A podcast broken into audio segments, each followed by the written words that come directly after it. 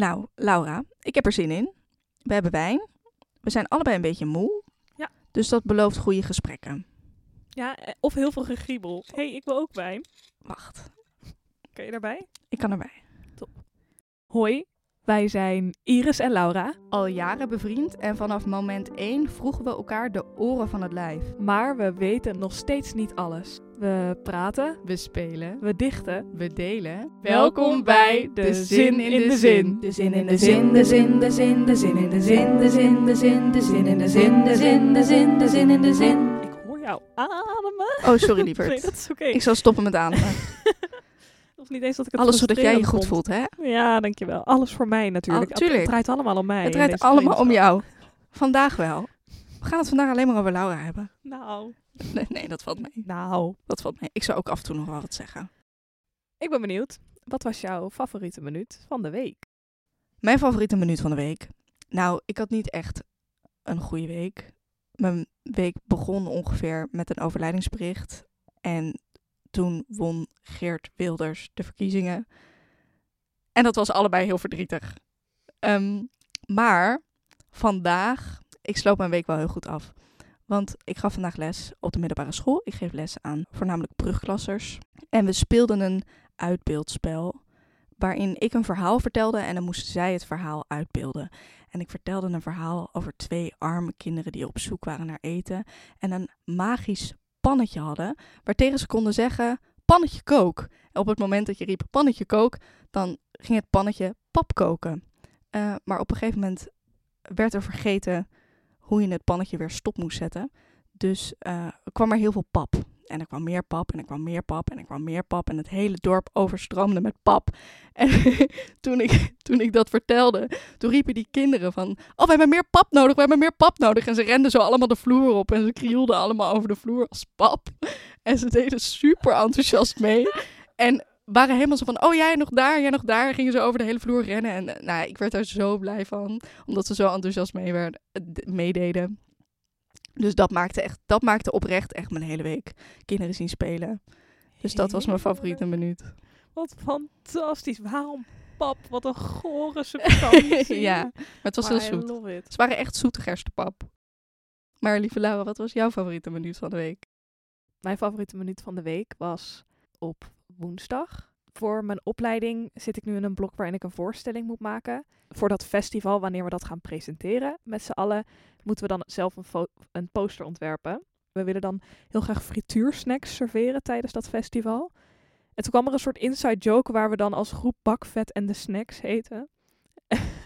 en toen hadden we bedacht dat we als voor op de poster met z'n allen op de foto wouden. Alsof we naar een heel chic feest, een soort kakkerfeest, allemaal in pak waren geweest. Maar dan de volgende ochtend, dus heel erg brak. En toen zijn we bij de Febo fotoshoot gaan houden. Wat echt een hele vulgaire fotoshoot is geworden. Met, Ik vond het zo leuk. ja, jij hebt de foto's gemaakt. Ja. Maar echt met, met iemand die een frikandel uit zijn broek had hangen. En mensen die... Ja, het was echt, veel, het was echt goor. Maar ik vond het echt heel leuk om te doen. Het is altijd wel het goede voorbeeld van waarom ik zo hou van theaterkinderen. Ja, Het is zo schaamteloos. het is gewoon fuck it. Wat is jouw favoriete frituursnack? Iets met kaas. Iets met kaas. Van die mini kaasstengels. Ja. Van die krokantige frupsels die je dan met van die zoete chili saus. ja, die dan met zoete chili saus. Terwijl kaasvlees wil ik dan met ketchup. Ja, dat, I get that. Maar ik wil kaasvlees gewoon... Kaas? Kaasvlees. Kaasvlees. Kaasvlees. een kaas... Ka Kaassoufflé. Kaas? Oh, het is kaassoufflé. Ik dacht, ik zat even zo erg in mijn hoofd. Wat zijn kaassou? het is kaassoufflé. Zitten we dan lekker met een podcast over taal? Of nou, over taal. Het gaat niet over taal. Maar veel over woorden. Kaassoufflé. Kaassoufflé.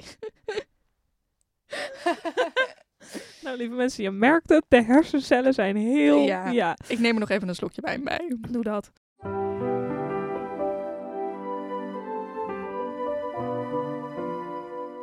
Voor ons is het twee maanden geleden, maar de vorige aflevering ehm, had ik een verzonnen woord meegenomen. Namelijk het woord vervlinderen. Nu wilden wij altijd even de definitie voorlezen. Ik moet even terugbladeren in mijn boekje. Vervlinderen. Het opbloeien na een impactvolle gebeurtenis. Hierbij verandert iemand in positieve zin door het loslaten van innerlijke blokkades. En daar hebben wij allebei een gedicht over geschreven. Dus ik ben heel erg benieuwd naar jouw gedicht, Laura.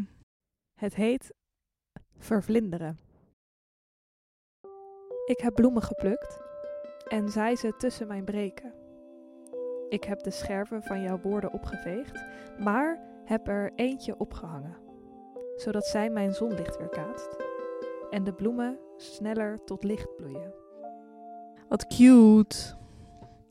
Ik vind het schattig. Ik realiseerde me ineens dat altijd als Laura een gedicht heeft geschreven, of als ik een gedicht heb geschreven, dan sturen we dat naar elkaar op in een spraakmemo. We hebben een beetje die afspraak met elkaar.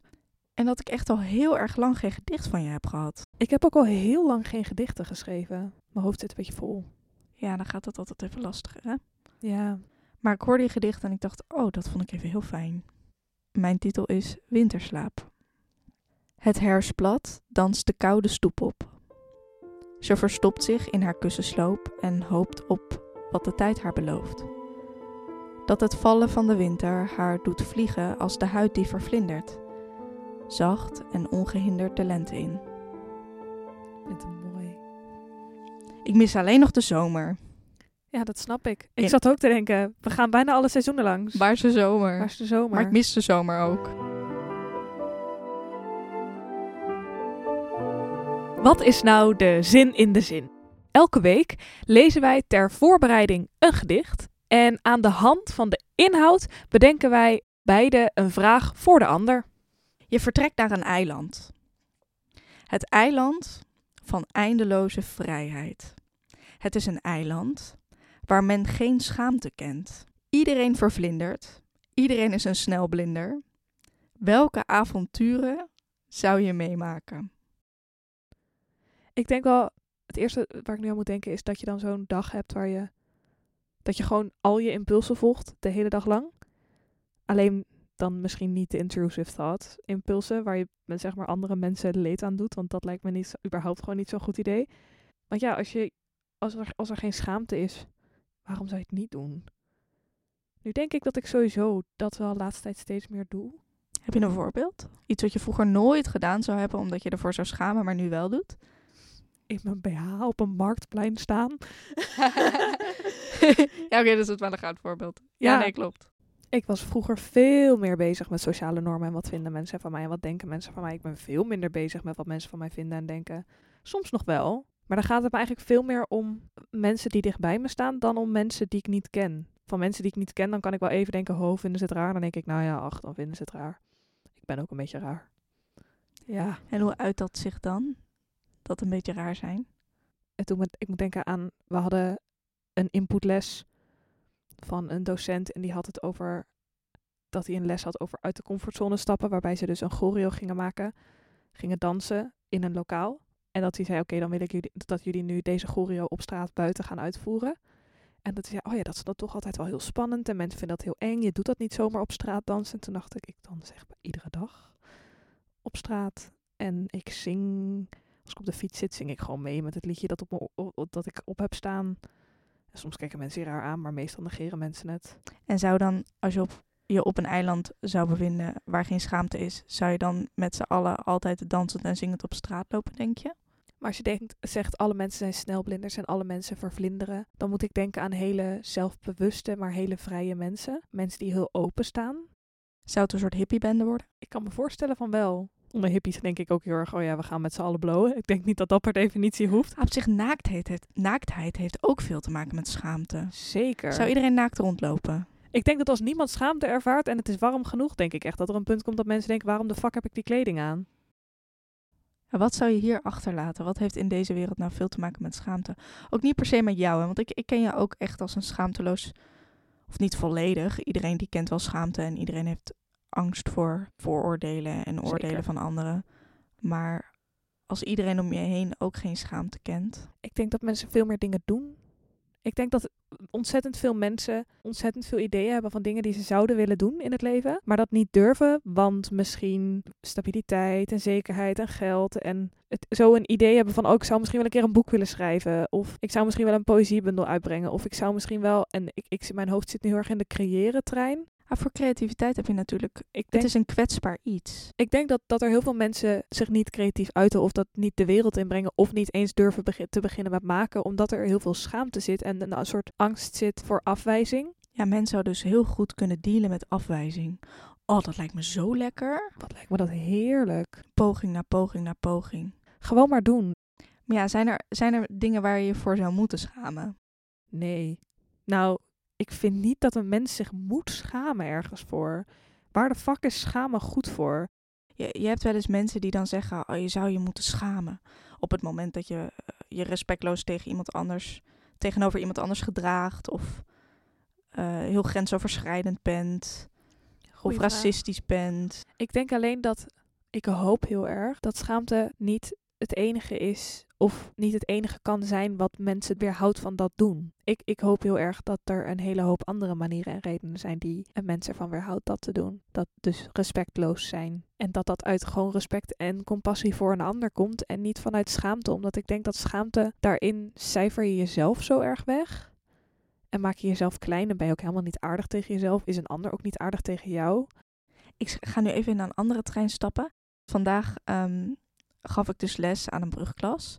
En we hadden groepjes gemaakt, want ze moesten in groepjes een scène maken. En dat deden we gewoon simpelweg door nummers toe te wijzen. 1, 2, 3, 4, 5, 1, 2, 3, 4, 5.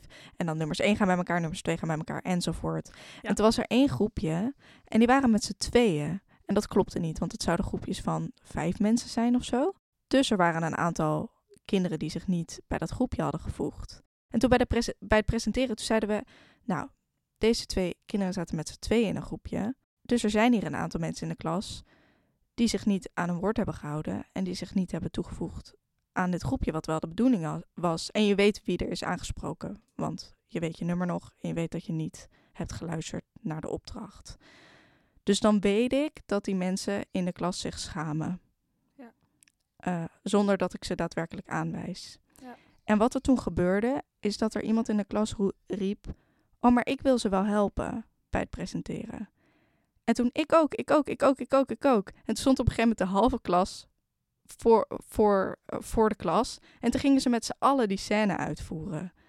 Wat heel erg verbindend werkte en heel erg. Ze gingen elkaar heel erg supporten. Wat een mooi voorbeeld. Ja, dus ik ben heel erg benieuwd of. Want ik, ik zou ook in eerste instantie denken: we hebben schaamte niet, niet nodig. En we zouden zoveel verder komen als het er niet is. Maar hebben we het niet soms ook wel nodig? Interesting. Er gaat een lampje branden. Ik zag het Ja. gebeuren. Er gebeurde iets in je ogen. Je vingertje ging omhoog. Ja, Beetje Willy Wortel moment. ja dan een pling. Ja, Of zo'n Wiki de Viking. eh, ja precies. Dus ik denk dat er een verschil zit tussen een confrontatie in een moment vanuit een neutrale positie, dus wat jij schetst. Maar je kan ook schaamte krijgen omdat eigenlijk iemands anders ongemak op jou geprojecteerd wordt. Ja. En daar ben ik het niet mee Oh, maar dat is niet fijn. Dat is niet fijn, want dan is het iemand, Nee. iemand voelt ongemak en weet niet hoe die ergens mee om moet gaan. En dan is het een soort van, nu ga ik gewoon gemene dingen tegen jou zeggen, omdat ik me ongemakkelijk voel. Of Dat omdat is een goed punt. En en dan ga jij je schamen voor weet ik het wat. Ik denk dat dat twee lagen zijn. Schaamte vanuit confrontatie met je eigen gedrag en denken, oh dat was inderdaad niet oké, dat was niet respectvol. Of iets wat op je geprojecteerd wordt waardoor je schaamte gaat ervaren. Ja. Zullen vast nog meer soorten zijn. Ja, maar dat onderscheid is wel interessant. Daar heb ik nooit over nagedacht. In ontwikkelingspsychologie is er gewoon onderzoek gedaan naar dat eigenlijk alle tieners in een bepaalde fase van hun ontwikkeling meer schaamte ervaren. En dat dat op een gegeven moment weer minder wordt. Maar dat heeft dan ook een functie, denk ik. Ja, het gaat heel erg om bij de groep horen of niet. Ik vraag me echt af. Tuurlijk zullen er dingen veranderen. Maar als ik soort van even mijn leven nu meeneem naar dat eiland, zeg maar. Ja. Eh, want ik kan me even niet inbeelden wat voor een ander leven ik eh, daar zou hebben. Omdat ik. Mijn, Mhm. ik wou hetzelfde zeggen als in de eerste aflevering. Omdat ik me niet iets kan inbeelden wat niet bestaat. Misschien dat ik minder bezig zou zijn als ik nu over die voorstelling nadenk. Over wat het wordt. Omdat je je niet zou schamen voor wat als je iets niet goeds neerzet. Ik denk wel dat veel meer mensen tegen je zouden vertellen dat ze verliefd op je zijn. En ik denk dat jij veel sneller zou zeggen dat je verliefd op iemand bent. En dat mensen veel sneller zouden zeggen dat ze elkaar aardig vinden en dat ze vrienden willen zijn. Dat denk ik ook. Dat denk ik ook, ja. Dat lijkt me dan wel weer fijn eigenlijk, als we daar gewoon open in kunnen zijn. Ik denk wel dat je meer gewoon de wereld in zou jieten. Jeet. Ik vind die woordkeuze heel leuk. ik denk echt dat het meer gewoon... ja. je, je zou, je zou het ook altijd roepen, hè? Heb je weer wat gemaakt? Heb je weer wat gedaan? Hij Jeet.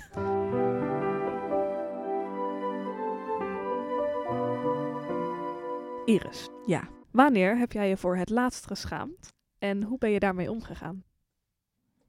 Ik heb nu even een paar in mijn hoofd. Zit even te denken welke nou... Oké. Ik denk dat ik het weet. Ik ga gewoon echt naar de laatste keer. Ik denk dat ik had gisteren een gesprek eh, met iemand die is er voor studenten. Daar kun je dan even mee praten als je veel nadenken bent over bepaalde onderwerpen of ergens niet uitkomt of gewoon even fijn wil praten.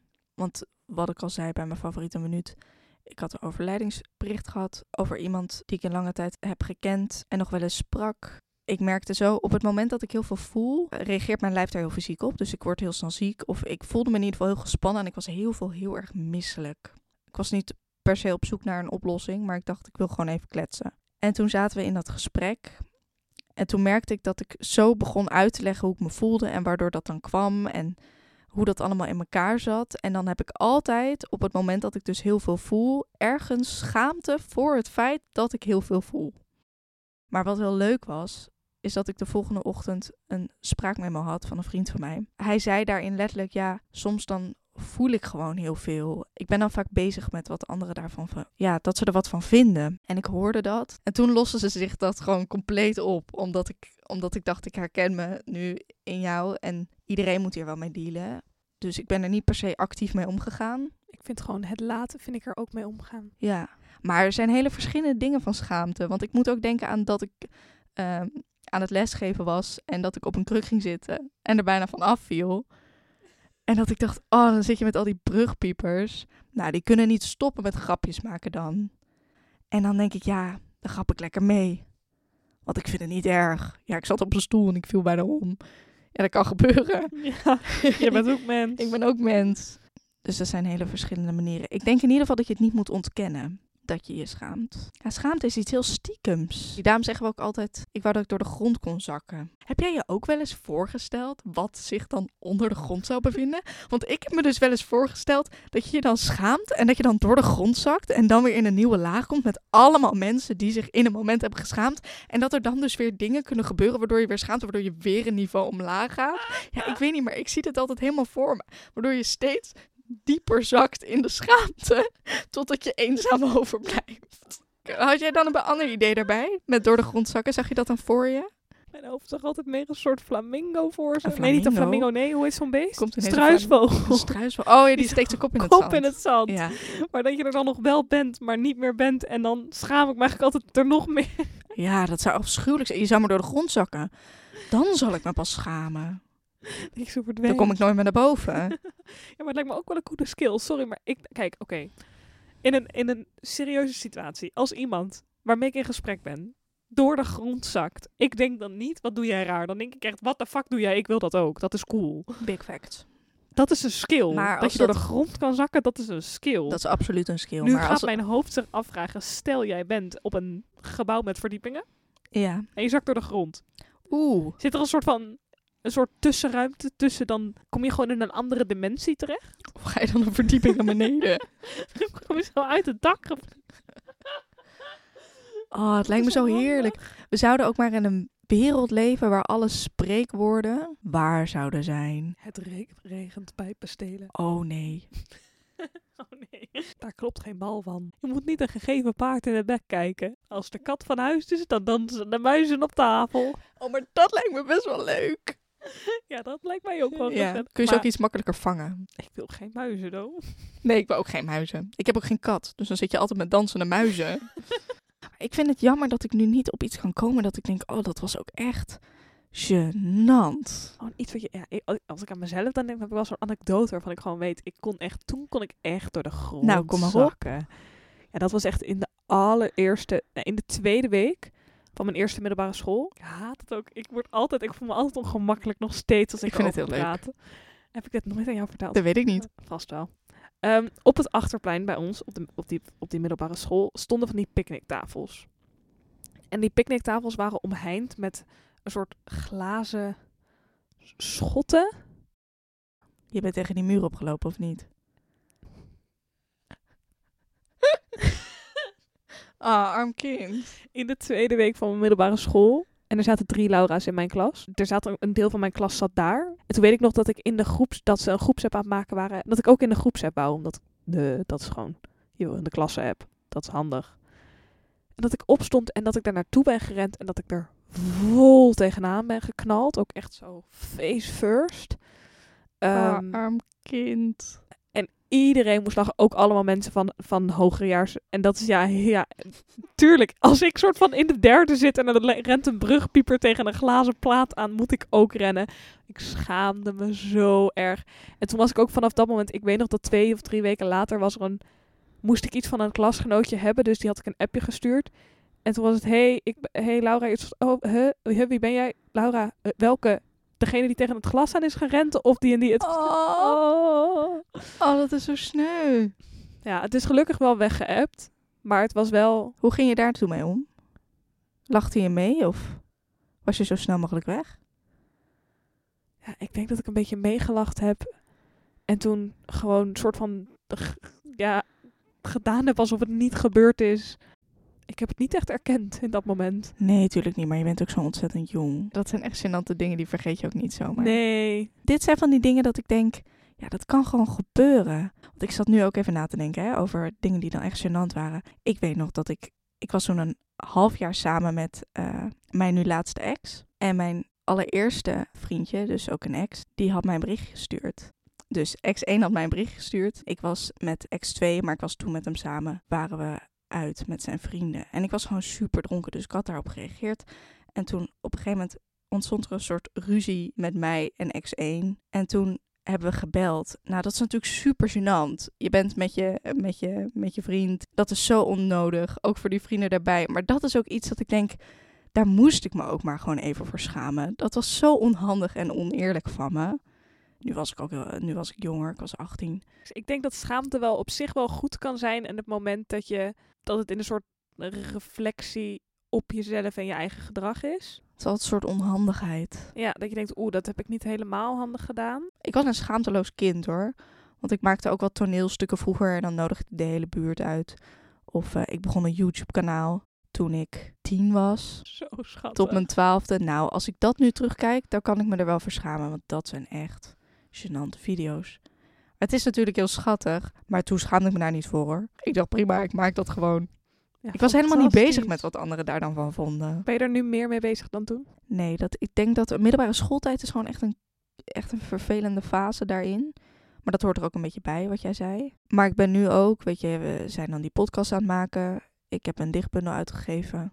Nu ben ik ook wel weer dingen de wereld in aan het brengen. En denk ik ook, nou, je doet het er maar mee. Ik ken nu wel dagen dat ik, ik kan soms echt dagen achter elkaar denken. Ik vind alles wat ik schrijf, vind ik lelijk. En alles wat ik maak, vind ik stom. Maar ja, dan vind ik dat stom. En als anderen dat stom vinden, dan zijn we het gewoon met elkaar eens. Dan vinden we het gewoon allebei stom. En als ik het leuk vind, dan heb ik gewoon een fijn gevoel en dan doe ik het daarmee.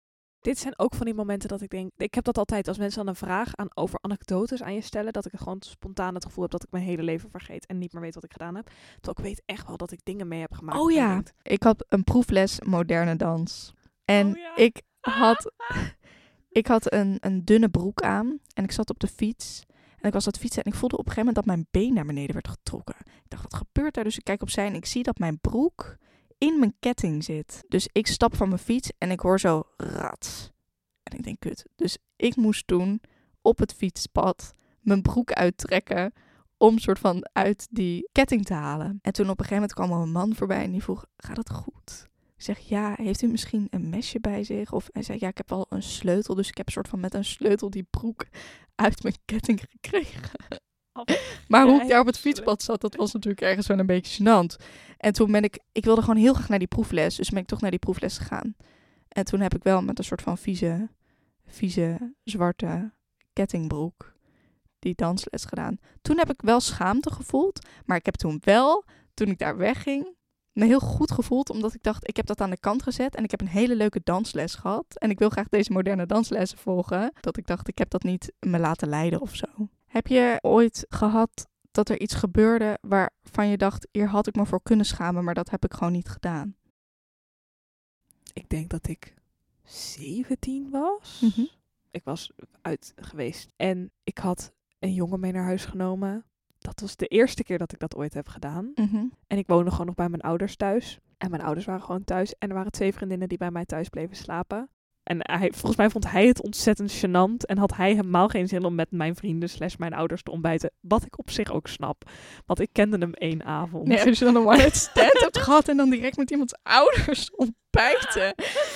Maar ik moest toen heel erg... Ja, mijn ouders... Maar ik kon hoogstaper, dus ik weet nog dat mijn...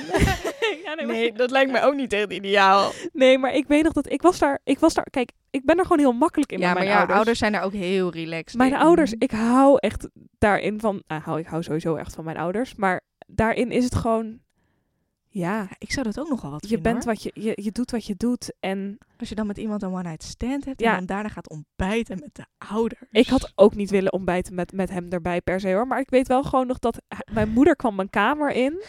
Met: Hey Laura, eh, je vriendinnen zitten al aan het ontbijt beneden. Kom je ook? Ik zo: Ja, ik kom maar aan.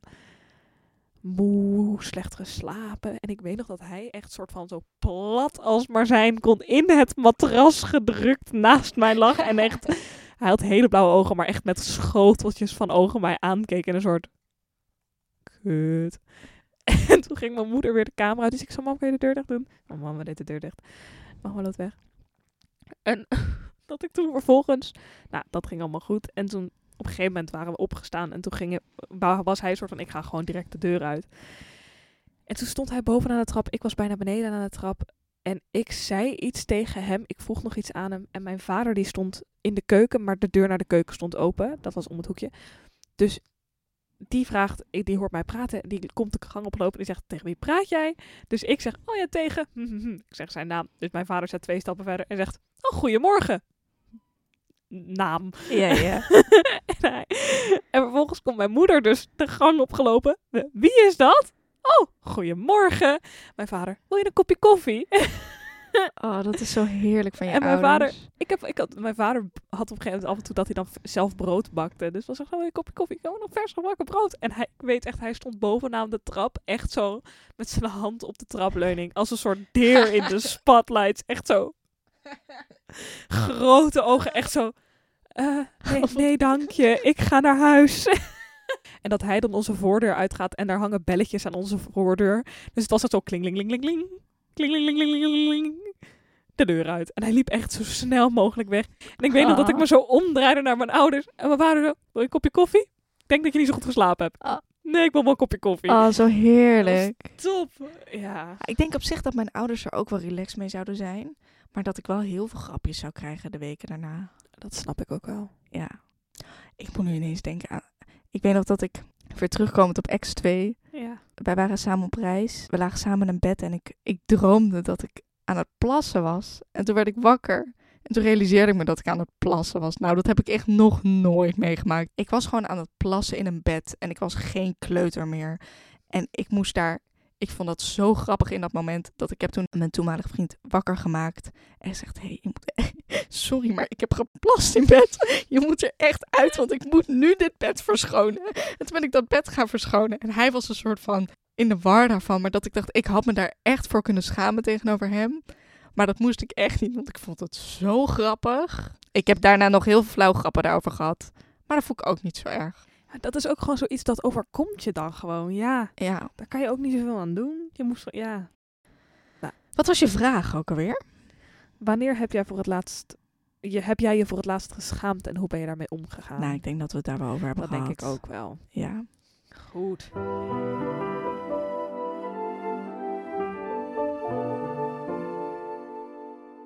Het gedicht waaruit de vragen zijn ontstaan komt uit de bundel Wees geen vreemde van Jeannette van Omme. Het gedicht heet Nationaal Monument. Dus, vrijheid ruikt naar benzine, naar natte keitjes op de dam, naar koffievlekken op matrassen, dat juist mij dit overkwam. Ik verdwaal richting rivier, dump mijn dode mussen hier natte sloop van huilend, wakker worden, mannen die zelfzuchtig willen kussen. Nee, luisteren is dat niet. Trap ik de schaamte die blijft plakken van me af. Weersta de ogen die lachen om mij en mijn gestolen fiets. En die ik geen van allen ken. Blijf lopen, lopen, lopen. Niemand weet dat ik hier ben. Ja, toch wel mooi hè? Ja, dat is toch wel mooi. Ja.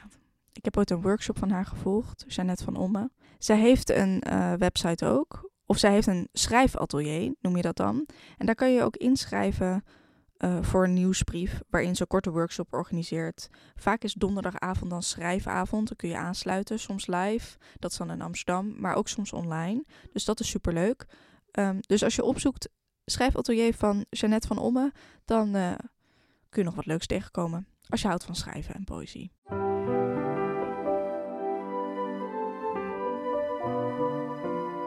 Dan zijn we alweer bij het laatste onderdeel aangekomen. Ik heb deze week een verzonnen woord meegenomen. Ik ben zo benieuwd. Het woord is zinzinking. Zinzinking. Dat past wel lekker bij onze podcast. Oh, ik moet natuurlijk eerst raden wat het zou kunnen zijn. Een zinzinking. Een zinzinking kan een moment zijn van even geen zin meer hebben. Alsof je een soort inzinking hebt, maar dan een zinzinking. Um, maar dan een zinking klinkt dan wel zo intens en heftig dat het ook wel echt even flink geen zin hebben. Een zinzinking kan ook een zin zijn die in intonatie omlaag gaat. Misschien? ik zit toch even allemaal gekke definities te bedenken. Kan het nog raarder? Ik kan het nog gekker. Wat is zin allemaal? Je hebt zinnen. Je hebt de zin van het leven. De zin van het leven. Zullen we het daar eens even over hebben? Nee? Oké. Okay. Dan ben ik benieuwd naar de definitie. Je zat eigenlijk al heel goed. Yes. Ik heb er gewoon een hele dramatische definitie Fijn, bij. Lekker, kom maar op.